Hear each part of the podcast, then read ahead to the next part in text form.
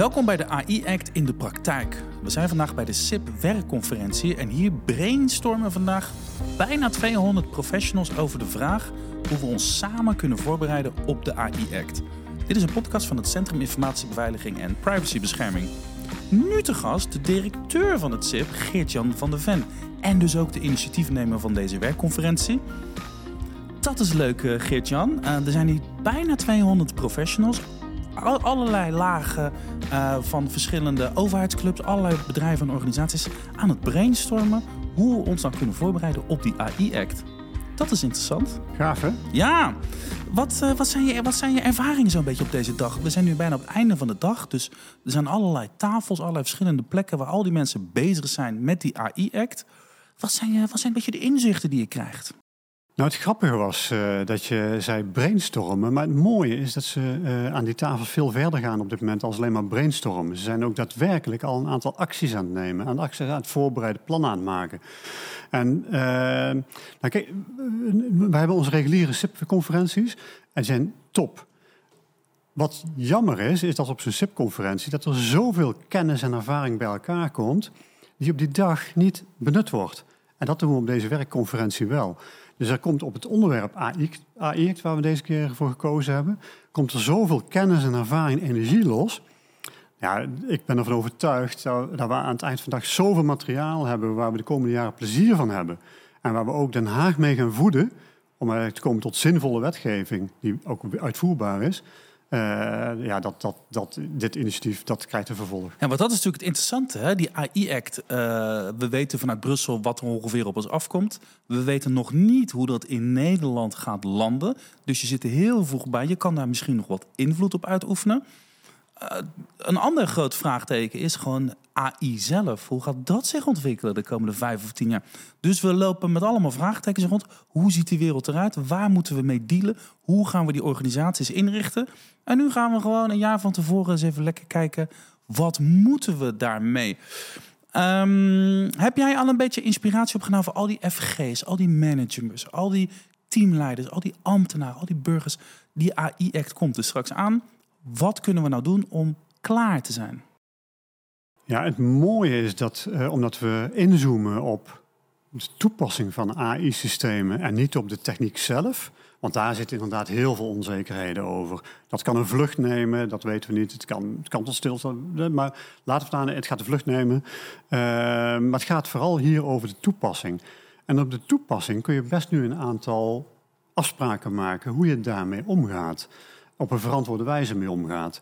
En ja, als dat betekent dat de techniek verandert, als maatschappelijke uh, waarden veranderen, dan zul je misschien ook die afspraken moeten bijstellen. Dat kan. Maar dat is makkelijker als dat je nu gaat fixen, fixeren sorry, op een stuk techniek, uh, die inderdaad over een half jaar er anders uit kan zien. En, wat er is ook een van die dingen. Um, uh, de autoriteit persoonsgegevens die weet nog niet eens of zij straks de AI-waakhond gaan worden. Um, de, de, dus wie, wie, hoe gaat het toezicht eruit zien? FG's weten nog helemaal niet, uh, wordt dit mijn taak? Komt er straks een functionaris uh, AI-implementatie naast mij te zitten? Um, we weten ook eigenlijk wel dat straks tijdens vergaderingen bij een willekeurig ministerie, bij een willekeurige afdeling, elke keer als iemand een leuke foefje bedenkt, is er altijd iemand die zegt: kunnen we geen AI gebruiken? Kortom, het zit overal. Iedereen heeft ermee te maken. En we moeten straks een soort systeem organiseren of een proces dat we het juiste doen. Dat is wel spannend, hè? Dat is hartstikke spannend. Um, en nogmaals, ik ben ervan overtuigd met alle kennis en ervaring die we, die we hebben. En het accepteren dat er een bepaalde mate van onzekerheid blijft, dat we daar prima mee om kunnen gaan. Betekent alleen dat je uh, um, wel de juiste gesprekken moet voeren. Vandaag hebben we het echt met de inhoudelijke professionals op het gebied van informatiebeveiliging, privacy, ethiek en inkoop. Um, als je dit gesprek voert met bestuurders van een overheidsorganisatie, dan krijg je andere gesprekken. Dan krijg je een gesprek tussen een, uh, een, een overheidsorganisatie met binnenlandse zaken over, ja, wat heb ik aan extra budget nodig om dat te schaffen? Ook belangrijk, maar dat is niet vandaag belangrijk. Vandaag gaat het over hoe we dat inhoudelijk met elkaar kunnen schaffen.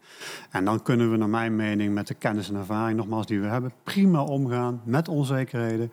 En kunnen we prima werkafspraken maken En ook afspraken hoe we die gaan monitoren en bijsturen. En heb je, heb je daar al leuke inspiratie op gedaan voor verschillende denkrichtingen of, of potentiële oplossingen? Dat zal misschien per niveau of per afdeling natuurlijk verschillen. Hè? Maar wat, wat hoor jij zo om je heen in de, in, in, aan die tafels en in de wandelgangen? Bij de koffieautomaten worden waarschijnlijk ook hele interessante dingen besproken. Wat, wat, wat hoor jij allemaal? Ja, overal. Aan de tafels inderdaad. Uh, tijdens de lunch uh, aan tafel, ook aan tafel. Uh, bij het koffiezetapparaat. Het gaat erover. Dat is het mooie van de werkconferentie. Er zit energie, het bruist. En de, zoals je al aangaf, of al aannam, de oplossingsrichtingen, de, de suggesties, die zitten, zijn heel divers. Ik heb aan de tafel gezeten waar ze aan het kijken waren... hoe kunnen we nou bestuurders meenemen in dat ze niet angstig wegduiken voor de mogelijkheden die de technologie biedt maar ze tegelijkertijd ook meenemen in een aantal verzekeringsvoorwaarden die we dan moeten inbouwen, om ook niet met de ogen dicht in de diepe te stappen. Dus dat, dat, is één. Twee is veel operationeler. Hoe gaan we nu de specifieke eisen die we stellen aan AI-systemen inbouwen in een inkoopproces, zodat die inkoper ook handvatten heeft en zich ook gesteund voelt door inhoudelijke adviseurs om ook tot een goede inkoop te komen. Marleen Rodenburg van de gemeente Amsterdam die had ook nog iets leuks. Die zei van ja, je kan dat inderdaad bij het inkoopproces katje, kan je daarover nadenken. En dat zou fijn zijn als er handvatten zijn. Maar hij zegt het, maar wat een beetje tricky is, als wij met die AI aan de gang gaan, dan verandert het systeem. Want dat is namelijk een van de dingen van AI. Dat is slim en dat verandert en dat past zich aan aan mijn wensen. En dan ben ik zelf ineens een leverancier. En wat is dan eigenlijk mijn positie, weet je wel? Dus mensen zitten constant te denken van, hé, wat ben ik, waar, zit ik nou eigenlijk naar te kijken? Nee, dat, dat, dat, is, dat is een terechte. Maar ook daar inderdaad, uh, pel hem af, maak hem eenvoudiger. Uh, we, we, hebben twee hoofdrichtingen. Inderdaad, één is wij kopen in, of twee is wij maken. Dat, zijn eigenlijk de grootste verschillen. En de tussenvorm is inderdaad, als je wat verder doordenkt, ja, we kopen in en daarmee gaan we inderdaad het systeem slimmer maken. Dan zijn we denk ik ook een producent. Nou, volgens mij is daar juridisch nog niet het, uh, laatste woord over gezegd. Zolang dat niet zo is, zou ik zeggen, laten we dat wel in de gaten houden, maar ons niet door laten belemmeren. Zie, zie, zie, jij nog verschil tussen de overheid en tussen, nou, laten we zeggen, de rest van het land en hoe zij moeten dealen met AI en de wetgeving? Want overheid is natuurlijk traditioneel een partij die toezicht moet houden en tegelijkertijd ook gebruiker is. Hè? Dus de, de, we kijken met z'n allen heel kritisch naar de overheid. Ja, um, jee. Overheid, als overheid heb je die maatschappelijke verantwoordelijkheid. Tegelijkertijd is mijn stelling dat nog steeds iedere bestuurder, ook van een private organisatie, ook nog steeds een maatschappelijke verantwoordelijkheid, een moreel kompas heeft of zou moeten hebben. Mm dus uh, misschien dat wij een nadrukkelijker hebben in de verantwoording, maar uh, ik zie daar geen verschil in. We zitten er met z'n allen in. We zitten er met z'n allen in. Nou, nu hoor je vaak als het gaat over nieuwe technologie en ontwikkelingen in de samenleving dat we en, en dat beleidsmakers vaak een beetje achter de ontwikkelingen heen sukkelen. Dat is altijd zo'n soort kritiek. Het lijkt ook een beetje zo inherent aan, aan hoe, de, hoe, hoe het spelletje gespeeld wordt. Er komen technologieën en we moeten er iets mee. Dit is nou eens een keertje een voorbeeld dat we aan de voorkant. Ik had het met Rond Roosendaal in een andere aflevering over. Die zei van ja, hij vindt uh, waardegedreven uh, digitaliseren. Je kan gewoon die waardes aan de voorkant misschien gaan inbouwen. Dat is, dat is interessant.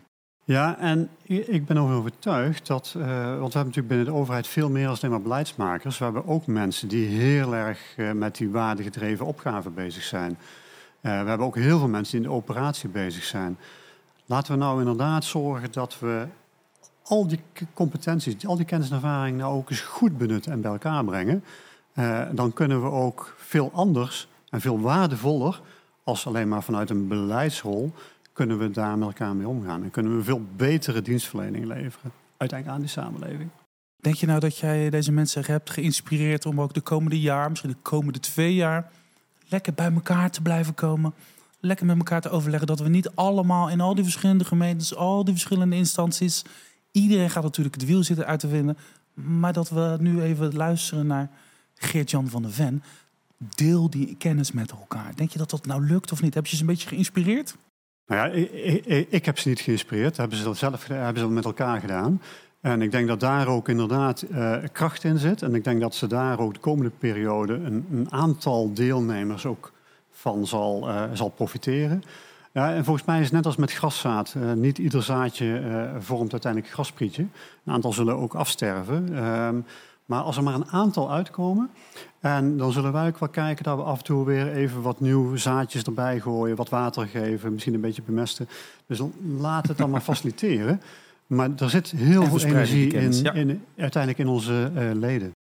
Er komt heel veel op ons af en er zijn veel onzekerheden. Uh, heb je wel eens overwogen om een, uh, om een, om een AI-systeem te vragen hoe we moeten dealen met AI? Kan, kan je AI niet mee laten denken hierover, over deze kwesties?